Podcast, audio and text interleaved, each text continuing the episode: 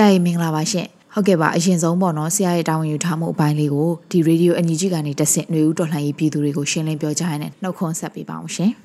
အားလုံးမင်္ဂလာပါခင်ဗျကျွန်တော်နာမည်ခွန်ဘီတူပါကျွန်တော်က NUG ဆိုရဖွဲ့မှာပေါ့နော်တရားစသားနဲ့တပေါပေါချင်းတင်းတင်းဝင်ကြီးမှာဒုဝင်ကြီးတာဝန်ယူထားသလိုမြေပြင်မှာတော့ KNDF ကပြည်နယ်ဂရနီပြည်မှာစုဖွဲ့ထားတဲ့ ကျွန်တော်တို့ PDF ကြီးတစ်ခုပေါ့နော် KNDF မှာကျွန်တော်ဥက္ကဋ္ဌဖြစ်တာဝန်ယူထားပါတယ်ခင်ဗျဆိုတော့ဒီနေ့မှာကျွန်တော်က Radio NUG ကနေပြီးမှတော်လိုင်းပြည်သူလူထုအပေါင်းကိုပထမဆုံးနှုတ်ခွန်းဆက်တာပါတယ်ခင်ဗျဟုတ်ကဲ့ပါဆရာတို့ဒီကရားပြည်ပေါ့နော်ကရင်ပြည်နယ်ရဲ့လက်ရှိအခြေအနေကိုလည်းနည်းနည်းလောက်ပြပြပေးပါအောင်ရှင်ဟုတ်ကဲ့ ပထမဆုံးကျွန်တော်တို့ဒီကြားပြည်နယ်ပေါ့နော်ခရီနီပြည်ဆိုတဲ့ခြေနေလေးလက်ရှိခြေနေလေးကိုအရင်ဆုံးပြောချင်ပါတယ်ကျွန်တော်တို့ကိုကျွန်တော်တို့ကတော့ခရီနီပြည်လို့ခေါ်တာကိုသဘောကျတယ်ပေါ့နော်ဆိုတော့အဲ့ဒါကတော့တမိုင်းအစဉ်ဆက်လည်းဖြစ်တယ်နောက်လူမျိုးတစ်မျိုးကိုပဲကိုစားပြုတာမျိုးမဟုတ်ဘဲနဲ့အဲ့ဒီပြည်နယ်ထက်မှာရှိတဲ့လူမျိုးတွေအားလုံးကိုပိုမှလွှမ်းခြုံတယ်ပေါ့နော်ကြားလို့ခေါ်ရင်တော့ကြားလူမျိုးနဲ့ကြားပြည်နယ်နဲ့နမိတ်လောက်ကိုပဲပြောတော့ပေါ့နော်ဆိုတော့ကျွန်တော်တို့တိုင်းပြည်ရဲ့အခက်အခဲမျိုးမျိုးကြောင့်မလို့ပေါ့နော်ဆိုတော့တချို့သောနေမြေတွေတချို့သောလူမျိုးရေးကိုကိုစားပြုတဲ့အရာတွေကိုကျွန်တော်တို့ဒီနေ့ဒီချိန်မှာပိုလွှမ်းခြုံနိုင်တဲ့နာမည်ကိုခေါ်တာကပိုတင်တော်တယ်ဆိုတဲ့အတွက်ပေါ့နော်ကျွန်တော်တို့ Greeny ဆိုတဲ့နာမည်ကိုသုံးလုံးချင်းဖြစ်ပါတယ်ပေါ့နော်ဆိုတော့ Greeny ပြည်လို့ပြောရတော့ကျွန်တော်တို့လက်ရှိချိန်မှာတော့ကြားပြည်နယ်မြို့နယ်အပါအဝင်ဖဲခုံမြို့နယ်တွေကိုလည်းကိုစားပြုပြီးမှပေါ့နော်လွှမ်းခြုံမှပြောထားခြင်းဖြစ်ပါတယ်လက်ရှိကြားပြည်နယ် Greeny ပြည်မှာတော့ကျွန်တော်တို့တိုက်ပွဲတွေအရင်ပြင်းထန်နေတယ်ဆိုတော့ကိုပြည်သူလူထုတွေကိုဒီကနေဝေမျှချင်ပါတယ် ကျွန်တော်တို့လက်ရှိလွိုက်ကော်ရဲ့အရှိဖက်ချမ်းမှာပေါ့နော်စစ်ကောင်စီတွေကထိုးစစ်ဆင်လာပြီးမှကျွန်တော်တို့တပ်ဖွဲ့တွေနဲ့အခုခံတိုက်ပွဲတွေရှိနေတယ်ပေါ့နော်စစ်ကောင်စီကစစ်ကြောင်း၃ကြောင်းကျွန်တော်တို့ဘက်ကလည်းတိုက်ရင်၃ရင်ကအဲ့မှာအခုခံကာကွယ်နေတယ် KA တာတွေခြားတော့လွိုက်ကော် PDF တာတွေလည်းအမှရှိပြီးမှပေါ့နော်တိုက်ရင်အားလုံးပေါင်း၅ရင်ကတော့ကျွန်တော်တို့ဒုတိယကုတပြန်ပေါ့နော်ဒီလိုထိုးစစ်တွေတိုက်စစ်တွေနဲ့ကျွန်တော်တို့ရင်ဆိုင်ကြုံတွေ့နေရပါတယ်ဒီရက်ပိုင်းပဲပေါ့နော်လွိုက်ကော်မျိုးရဲ့အရှိဖက်ချမ်းလေးမှာရှိတဲ့ဖာတီမာရွာဖက်ကိုတော့စစ်ကောင်စီတွေကတပ်ဆွဲထားပြီးမှကျွန်တော်တို့တပ်ဖွဲ့တွေကတော့တော့အဲ့ဒီပတ်ဝန်းကျင်မှာပေါ့နော်တခါဖြတ်တိုက်တာတွေရင်ဆိုင်တိုက်ခိုက်တာတွေကိုဆက်လုပ်နေပါတယ်ဒီလိုတိုက်ပွဲကြောင့်မလို့လဲစစ်ကောင်စီဘက်ကအများအပြားပေါ့နော်ထိနာတော့ပေါ့နော်သူတို့ဘက်ကထိုးစစ်ဆင်တဲ့အတွက်ထိနာမှုတွေရှိတယ်လို့ကျွန်တော်တို့ဘက်ရဲဘော်တွေလည်း၃ဦးဖက်မနဲ့ပေါ့နော်ကြာဆုံးတယ်ဒါရရတဲ့ရဲဘော်တချို့လည်းရှိနေကြပါတယ်ပေါ့နော်ဆိုတော့တိုက်ပွဲကလက်ကောထဲတစ်ခုတည်းမဟုတ်ပါဘူးခင်ဗျ ခုရက်ဘက်မှာပဲပေါ့နော်ဒီမော့ဆူရဲ့အရှိချမ်းမှာပေါ့နော်တိုက်ပွဲတွေရှိနေတယ်လွိုက်ကောနဲ့ဒီမော့ဆူကြားမှာရှိတဲ့ကြီးရွာတချို့ကိုစစ်ကောင်စီကခြေကုပ်ယူနိုင်ဖို့ထိုးစစ်ဆင်လာတယ်ကျွန်တော်တပ်ဖွဲ့တွေနဲ့မနှင်းညပဲပေါ့နော်တိုက်ပွဲတွေတိုက်တယ်ပေါ့နော် ဒီတိုက်ပွဲကြောင့်မလို့လဲစစ်ကောင်စီဘက်ကမိုင်းဆွဲခံရတာတွေထိနာမှုတွေရှိတယ်လို့ကျွန်တော်တို့ဘက်ကရဲဘော်တူလည်းဒီမနေ့ကြဆုံမှုတွေရှိတယ်ပေါ့နော်ဆိုတော့ဒါကတိုက်ပွဲတွေအင်တန်ပြင်းထန်တယ်ဆိုတာကိုပြောပြလိုပါတယ်ဒါပေမဲ့အလုံးလဲတည်င်းမှာတွေ့မိပြီးသားဖြစ်ပါတယ်ပေါ့နော်ကျွန်တော်တို့ပြီးခဲ့တဲ့22ရက်နေ့ကပေါ့နော်စခန်းကုန်းတစ်ခုကိုတင်ယူနိုင်ခဲ့တယ်ကျွန်တော်တို့တပ်ဖွဲ့တွေအားလုံးပေါင်းပေါ့နော် KNDF ပါဝင် KA နဲ့ကျွန်တော်တို့အခြားသောမဟာမိတ်တပ်ဖွဲ့တွေပေါ့နော်စုပေါင်းပြီးမှဒီဘောလခဲအနီးနားမှာရှိတဲ့မက်စလွန်တောင်လို့ခေါ်တဲ့တပ်ကုန်းစခန်းတစ်ခုကိုကျွန်တော်တို့တွားရောက်တင်ယူနိုင်ခဲ့တယ်ပေါ့နော်ဆိုတော့လက်နဲ့ကြီးလက်နဲ့ငယ်ပေါင်းများစွာကျွန်တော်တို့ရခဲ့တယ်ကျွန်တော်တို့ဘက်ကအကြဆုံးတယောက်ပဲရှိပြီးမှစစ်ကောင်စီရဲ့အလောင်းပေါ့နော်ငါခုကိုကျွန်တော်တို့လက်ရခဲ့တယ်အဲ့ဒီမှာသွေးစွန်းပြီးမှပေါ့နော်လမ်းကြောင်းတိုင်းဆုတ်သွားတဲ့စကားဆရဲဘော်တွေအများပြားကျွန်တော်တို့တွေ့ရတယ်အားလုံးပေါင်း15ဦးထဲမှာပေါ့နော်ကျွန်တော်တို့တင်ကြတာက9ဦးလောက်ပဲဘောလခဲကိုပြန်ရောက်သွားတဲ့အတွက်ကျွန်တော်တို့အနည်းဆုံး10ဦးလောက်ကိုရှင်းလင်းနိုင်ခဲ့တယ်ဒါမှမဟုတ်လည်းအရန်ကိုထိနာမှုရှောင်ကျွန်တော်တို့တိုက်နိုင်ခဲ့တယ်ပေါ့နော်ဆိုတော့အဲ့ဒီတိုက်ပွဲတွေကြောင့်မလို့လည်းလက်ရှိရက်ပိုင်းမှာပေါ့နော်စစ်ကောင်စီကလီပြတယ်နဲ့ကျွန်တော်တို့နေရာမြောက်များစွာကိုပုံကျဲပါတယ်ဒီရက်ဆိုရင်အာကျွန်တော်တို့လိုက်ကော်ရဲ့ရှစ်ချမ်းပေါ့နော်ကျွန်တော်စစ်ဆောင်စခန်းအနီးနားမှာပုံကျဲခံရတယ်ဒီမော့ဆိုရှစ်ချမ်းမှာဟိုလည်းပုံကျဲခံရတယ်လို့ပြီးခဲ့တဲ့ရက်မှာဆိုရင်ဘောလခဲနီပတ်ဝန်းကျင်ရွာတွေကိုလက်နဲ့ကြီးတွေပြည့်ပြီးမှပုံကျဲတဲ့ဟာတွေကိုဆက်မပြတ်လုပ်နေပါတယ်ပေါ့နော်ကျွန်တော်တို့ဒီတင်းတွေကိုတိတ်ထုတ်ပြန်တာမရှိဘူးဘာဖြစ်လဲဆိုတော့တင်းတွေထုတ်ပြန်ရင်လူတွေပို့ပြီးမှပေါ့နော်အမြင်တစ်မျိုးစိတ်ခံစားမှုတစ်မျိုးပို့ဖြစ်စေမှာပေါ့နော်တိုက်ပွဲကတိတ်တိတ်မွေ့မွေ့နဲ့တည်တည်ငြိမ်နဲ့တိုက်နိုင်တာကကျွန်တော်တို့အောင်ပွဲပို့ဖြစ်မှာဖြစ်တဲ့အတွက်ပေါ့နော်တင်းတွေကိုထိန်းချုပ်ပြီးမှကျွန်တော်တို့ထုတ်တင်လာလေးပဲထုတ်ပြန်လဲအတွက်ပေါ့နော်ဒီနေ့ရေဒီယိုကနေပြည်သူတွေကိုပြပြလိုပါတယ်ဟုတ်ကဲ့ပါရှင်အခုပေါ့နော်တိတ်မကြသေးခင်ရပဲဒီ KSCC ကိုပြန်လဲဖွဲ့စည်းကြောင်းကြေညာချက်တရက်ကိုလည်းတွေ့ခဲ့ရပါတယ်အခုဆရာတို့ပြန်လဲဖွဲ့စည်းလိုက်တဲ့ဒီ KSCC ရဲ့ဖွဲ့စည်းမှုအခြေအနေကိုလည်းပြည်သူတွေသိအောင်ပြပြပေးပါအောင်ရှင်ဟုတ်ကဲ့ပါကျွန်တော်တို့ပြည်နေပြည်မှာတော့နိုင်ငံရေးစုဖွဲ့မှုကို KSCC ဆိုတဲ့ခေါင်းစဉ်အောက်မှာပေါ့နော်ဒီနေဦးတော်လိုင်းရေးအစမှာစလုပ်လိုက်ရပါတယ်ပေါ့နော် KSCC ရဲ့အတိတ်ပဲကတော့ Green ပြည်တိုင်ပင်ခံကောင်စီဖြစ်ပါတယ် ကျွန်တော်တို့ ဒီတိုင်ပင်ခံကောင်စီမှာကတော့လူတော်ကိုယ်စားလှယ်တွေနော်နိုင်ငံရေးပါတီ ၃ ခုပေါ့နော် ကျွန်တော်တိုင်းသားပါတီ ၂ ခုရဲ့ NLD ပါတီက ခေါင်းဆောင်တွေရဲ့ပါဝင်တဲ့အပြင် ကျွန်တော်တို့ ဒီ လက်နက်ကန်အဖွဲ့အစည်းတွေအားလုံးပေါ့နော် ကျွန်တော်စုဖွဲ့ထားခဲ့တယ် နောက်တော့တရားဖက်ဖွဲ့စည်းကတပိတ်ခေါင်းဆောင်တွေနဲ့ပေါ့နော် ကျွန်တော်တို့ KSCC မှာ စုဖွဲ့ကြပါတယ် KSCC ကို ကျွန်တော်တို့ ပြီးခဲ့တဲ့ 2021ကတည်းကပေါ့နော်စုဖွဲ့ပြီးမှဒီ NUG ကိုကိုယ်စားလှယ်တွေပေးဖို့အတွက်ပေါ့နော်အဖွဲ့အစည်းတီးတီးကရထားတဲ့ကိုယ်စားလှယ်တွေကိုလည်း KSCC မှာကျွန်တော်တို့တည်ပြုကြတယ်ပြီးတော့ KSCC ကနေပြီးမှပဲ NUG NUCC မှာပေါ့နော်ပါဝင်ကြတယ်ပေါ့နော်တပြိုင်နက်တည်းမှာပဲ KSCC ကနေပြီးမှဦးဆောင်ပြီးမှပြည်နယ်တွင်းလိုအပ်တဲ့အုပ်ချုပ်ရေးကာကွယ်ရေးတွေနောက်အခြားသောလူမှုကိစ္စရေးကိစ္စတွေကိုပေါ့နော် KSCC ကကြီးကြပ်ပြီးမှဆောင်ရွက်လမ်းညွှန်ရတဲ့ဟာတွေကိုပြီးခဲ့တဲ့နှစ်နှစ်တာပေါ့နော်တစ်ခြားလုံးဆောင်ရွက်ခဲ့ပါတယ် ဒီလိုဆောင်ရွက်ရတဲ့လက် KSCC မှာဒီပြည်နယ်စစ်မှာပေါ့နော်အားကောင်းမှုတွေကျွန်တော်တို့အများမြင်ရတယ် NUG ဖက်ကပံ့ပိုးတဲ့ဟာတွေနဲ့အတူကျွန်တော်တို့ပြည်နယ်အဆင့်ခေါင်းဆောင်တွေရဲ့ကြိုးပမ်းမှုကြောင့်မလို့ကျွန်တော်စတင်ကြောင်းပေါင်း400ကျော်ပေါ့နော်ခုနှစ်နဲ့တလို့ကျွန်တော်စီယုံ9ယုံလောက်ကပေါ့နော်လက်ပတ်နေခဲ့တဲ့နောက်ဒီလူထုတွေကိုယ်တိုင်ဥဆောင်နေတဲ့လူထုတွေကိုယ်တိုင်လက်ပတ်ထားတဲ့အုပ်ချုပ်ရေးရန်တရားတွေပေါ့နော် yes ခန်းတွေပေါ့နော်ကျွန်တော်တို့ကိုခုထက်မနေပေါ့နော်လက်ပတ်ပြီးမှဒါလက်ရှိကိုယ့်ရဲ့ထိန်းချုပ်နယ်မြေမှာပေါ့ကျွန်တော်တို့ကလူထုတွေကိုတောင်းခံမှုတောင်းယူမှုရဲ့ပေါ့နော်ဒီအကာအကွယ်ပေးမှုတွေပေါ့နော်ဒါကိုဒီကာလလေးမှာပေါ့နော်ဆက်ပြီးမှဆောင်ရွက်ခဲ့ကြပါတယ်ကျွန်တော်တို့ဒီနေ့ပိုင်းမှာတော့ KSCC ကိုကျွန်တော်ပြပြပြောင်းလဲရေးလုပ်ခဲ့ကြပါလဲ KSCC မှာကျွန်တော်တို့ပို့ပြီးမှပေါ့နော်တိကျတဲ့အဆုံးဖြတ်ချက်တွေပိုခိုင်မာတဲ့နိုင်ငံရေးလမ်းကြောင်းကိုတွားနိုင်ဖို့အတွက်ကိုကျွန်တော်တို့ဆုံးဖြတ်နိုင်ဖို့အတွက်ဆိုပြီးမှပေါ့နော် KSCC ကိုကျွန်တော်ပြပြပြောင်းလဲမှုအတိုင်းတာလေးတစ်ခုလုပ်ခဲ့ပြီးမှပေါ့နော်ဒီလပိုင်းမှာထုတ်ပြန်မှုတွေလုပ်ခဲ့ပါတယ် ဟုတ်ကဲ့ပါဆရာတို့ KSCC ကရှေ့မှာရောဒါဘယ်လိုမျိုးမျှော်မှန်းချက်တွေနဲ့ပေါ့နော်အလုပ်တွေဆက်ပြီးလုပ်သွားဖို့ရှိမလဲရှင်ဟုတ်ကဲ့ကျွန်တော်တို့အခု KSCC အနေနဲ့ပေါ့နော်ဒီညီညွတ်မှုကိုအသားပေးပြီးမှကျွန်တော်ဆက်လက်ဆောင်ရွက်တော့ဖို့ရှိပါတယ် KSCC မှာညီညွတ်မှုဒီအဓိကဖြစ်ပြီးမှညီညွတ်မှုနဲ့တူဒီတော်လိုင်းရေးကိုဆင်နွှဲတော့ဖို့ဖြစ်တယ်ဒီညီညွတ်မှုကလည်းကျွန်တော်ချင်းချင်းကြားမှာမဟုတ်ဘဲနဲ့ပြည်တော်စုစင် NUG မှာပေါ့နော်ကျွန်တော်တို့ပို့ထားတဲ့ကိုယ်စားလှယ်တွေတော့ကျွန်တော်ပို့တိကျတဲ့တာဝန်ယူမှုတွေနဲ့ပေါ့နော်ညီညွတ်မှုပြနိုင်ဖို့ဖြစ်တယ်ပေါ့နော်ဆိုတော့ကျွန်တော်တို့အခု CDN အောင်မြင်မှုတွေလုပ်တဲ့ချိန်မှာလည်းကျွန်တော်တို့ကပို့တိကျတဲ့လုပ်ငန်းစဉ်တွေချမှတ်နိုင်နိုင်လိမ့်မယ်လို့ယုံကြည်တယ်လို့ပိုအားကောင်းတဲ့အစီအစဉ်တွေကိုဖော်ဆောင်နိုင်လိမ့်မယ်လို့ကျွန်တော်တို့ယုံကြည်ပါတယ်။တစ်ဆက်တည်းမှာပဲကျွန်တော်တို့ဒီကိစ္စဆိုလဲပေါ့နော်ဒါပိုပြီးမှခိုင်မာတဲ့ပူပေါင်းဆောင်ရွက်မှုမျိုးတွေ နော်ပိုတိကျတဲ့ chain of commander ကိစ္စလိုမျိုးတွေပေါ့နော်ပိုတိကျတဲ့နေမြေစုမှုရေးကိစ္စတွေကိုပေါ့နော်ကျွန်တော်တို့ဒီထက်ပိုလမ်းညွှန်နိုင်လိမ့်မယ်လို့ကျွန်တော်တို့ကယုံကြည်ပါတယ်မျှော်လင့်ပါတယ်အာဒီအပြင်ပေါ့နော်ကျွန်တော်တို့လိုအပ်နေတဲ့ပညာရေးချမ်းမာရေးတွေကိုလည်းပေါ့နော်အဆက်မပြတ်ကျွန်တော်တို့ဖော်ဆောင်ဖို့လိုပါတယ်စစ်ဆောင်ပြည်သူပြည်သားတွေကလည်းအရန်ဒုက္ခရောက်နေတယ်ပေါ့နော်ဒီဟာကိုပိုပြီးမှကူညီဆောင်ရွက်နိုင်အောင်လူမှုရေးစီးပွားရေးတွေကိုလည်းလက်ပနိုင်အောင်ပေါ့နော်ဒီ2023ထဲမှာပေါ့နော်စတင်ဆောင်ရွက်ဖို့ရှိတယ်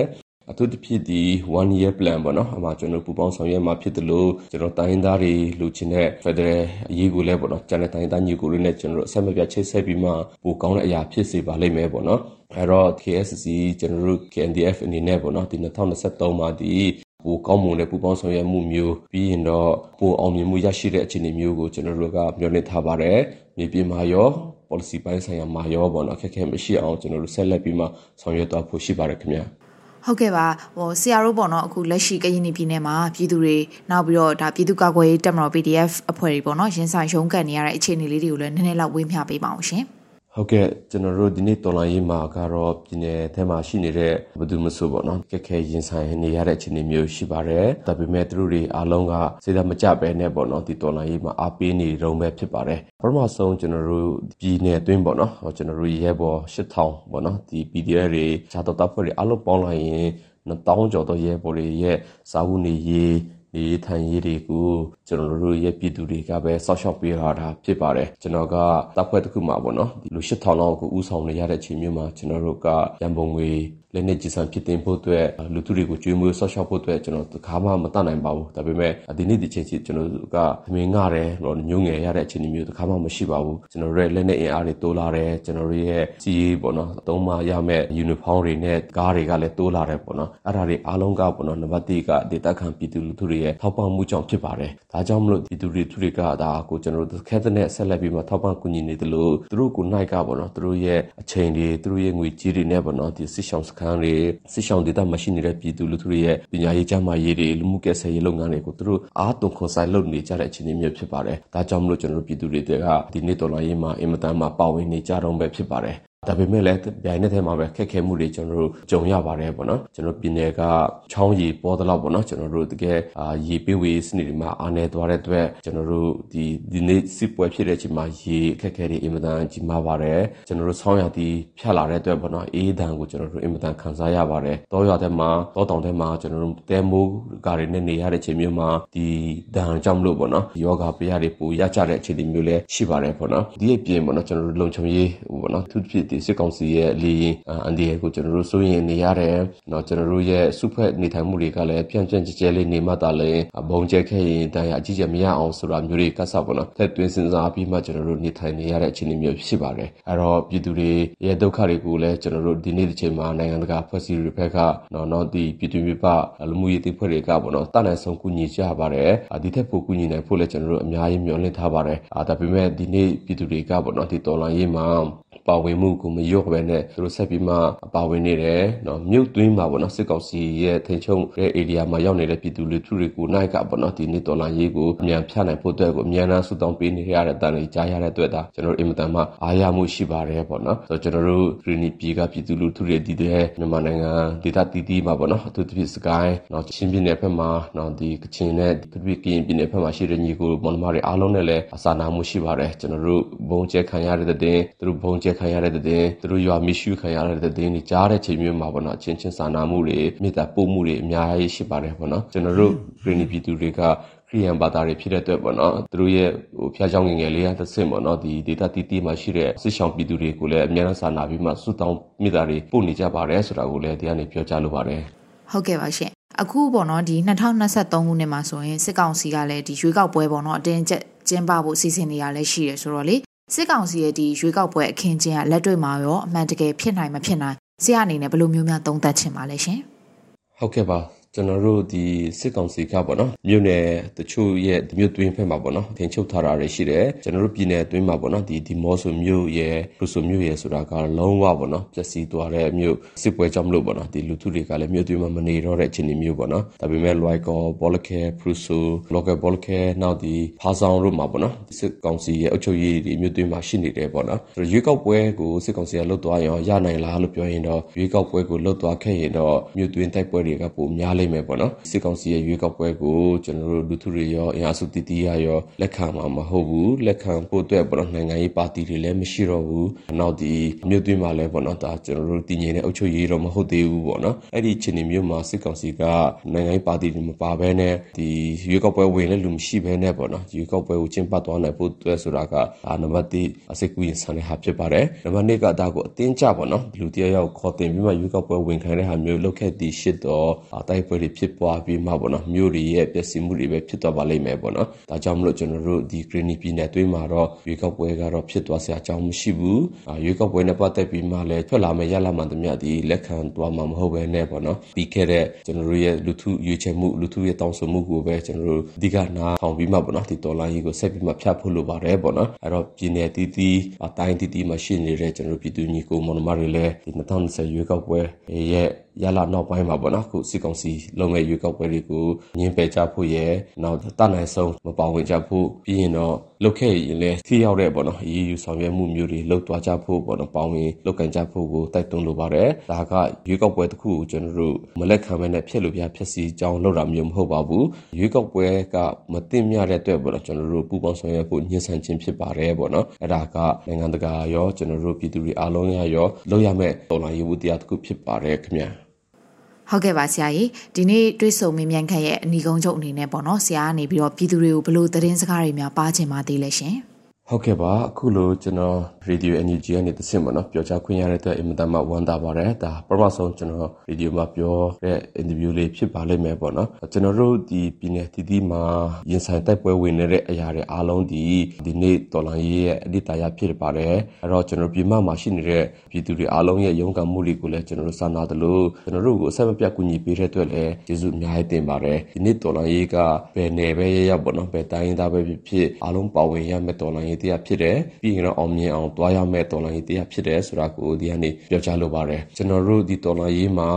အားလုံးတည်ပြီးသားပဲဖြစ်တဲ့ပေါ့နော်2008ဖွဲ့စည်းပုံကိုကျွန်တော်ဖျက်သိမ်းမှာဖြစ်တယ်လို့စစ်အာဏာရှင်စနစ်အသက်ဆိုးရှိနေတဲ့စစ်တပ်ပါဝင်တဲ့နိုင်ငံရေးကိုကျွန်တော်တို့တုံ့ထုတ်မှာဖြစ်ပါတယ်စစ်တပ်အတွက်ကျွန်တော်တို့ဒီကနေရှင်းနေတဲ့စကားတခုပြောကြလိုတာကတော့ဒီနေ့စစ်တပ်တွေကနေပြီးမှကျွန်တော်တို့ရဲ့နိုင်ငံစီးပွားရေးလူမှုရေးနိုင်ငံရေးမှာပေါ့နော်ပါဝင်စုဖက်ပြီးမှကြီးစိုးချေလေတဲ့ဟာကိုကျွန်တော်တို့လုံးဝလက်ခံတော့မှာမဟုတ်ဘဲနဲ့စစ်တပ်ဒီတိုင်းပြည်ကိုတကယ်ကာကွယ်ခြင်းနဲ့စစ်တပ်ဒီတိုင်းပြည်ကိုတကယ်ပဲပေါ့နော်လုံခြုံစေခြင်းနဲ့ဆိုရင်စစ်တပ်ရဲ့အတာဝန်ဝတ္တရားကိုယူကြဖို့လိုတယ်စစ်တမ်းလျာကိုပြန်သွားပြီးမှပေါ့နော်နိုင်ငံရဲ့ကာကွယ်ရေးကိစ္စတွေကိုပဲအာရုံထားပြီးမှလှုပ်စေခြင်းနဲ့ ဒီနေ့ပြည်သူတွေရဲ့အပေါ်မှာဖိနှိပ်နေတဲ့အရာတွေတိုင်းသားလူထုတွေပေါ်မှာပေါ့နော်စူးမိုးချေလဲနေတဲ့အရာတွေကိုရပ်တန့်ဖို့လိုအပ်တယ်ဒီသတင်းစကားကိုဒီကနေ့ကျွန်တော်တို့ပြောကြလို့ရတယ်အဲ့ဒီအရာမရောက်မချင်းကျွန်တော်တို့ကဒီတော်လိုင်းရေးကိုရပ်တန့်မှာမဟုတ်ဘူး ဒီတော်လိုင်းရေးမှာကျွန်တော်တို့ပြည်နေတိုင်းသားတယောက်အနေနဲ့ရောဒီမှာဒီကတိုင်းသားတွေအားလုံးကိုစားအနေနဲ့ရောကျွန်တော်တို့လိုချင်တဲ့ Federal ကျွန်တော်တို့လိုချင်တဲ့ Democracy နဲ့လူခွင့်ရေးကိုချက်ချင်းပြန်ပေးဖို့လိုပြီးမှဒီနေစစ်တပ်ဒီစစ်တပ်တာဝန်ကိုအများဆုံးပြန်တွားယူပြီးမှပေါ့နော်တိုင်းပြည်ရဲ့တည်ငြိမ်အေးချမ်းရေးတိုင်းပြည်ရဲ့ရောက်ပြည်ပြန်လဲစိုးမိုးရေးတွေကိုဟိုဖော်ဆောင်ပေးဖို့လက်သိခံပေးဖို့ တိုက်တွန်းလို့ဆိုရင်ကျွန်တော်ညီကုံချုပ်ပါတယ်ပြည်သူလူထုတွေအားလုံးလူလာတဲ့ငြိမ်းချမ်းရေးတွေကိုအများဆုံးပြန်ရနိုင်ဖို့အတွက်ကျွန်တော်တို့ဆက်လက်ပြီးမှလွှဲသွဲကြရအောင်အားလုံးကိုဒီတရုတ်နီတိကူမှာလည်းနှုတ်ဆက်တိုင်းနဲ့ကျွန်တော်ညီကုံချုပ်ပါတယ်အားလုံးကိုကျေးဇူးတင်ပါတယ်ခင်ဗျာဟုတ်ကဲ့ပါရှင်အခုလိုမျိုး Radio NUG အတွက်ကိုပေါ့နော်အချိန်ပေးပြီးဖြေကြားပေးတဲ့ဆရာကိုလည်းကျမတို့အထူးပဲကျေးဇူးတင်ပါတယ်ရှင်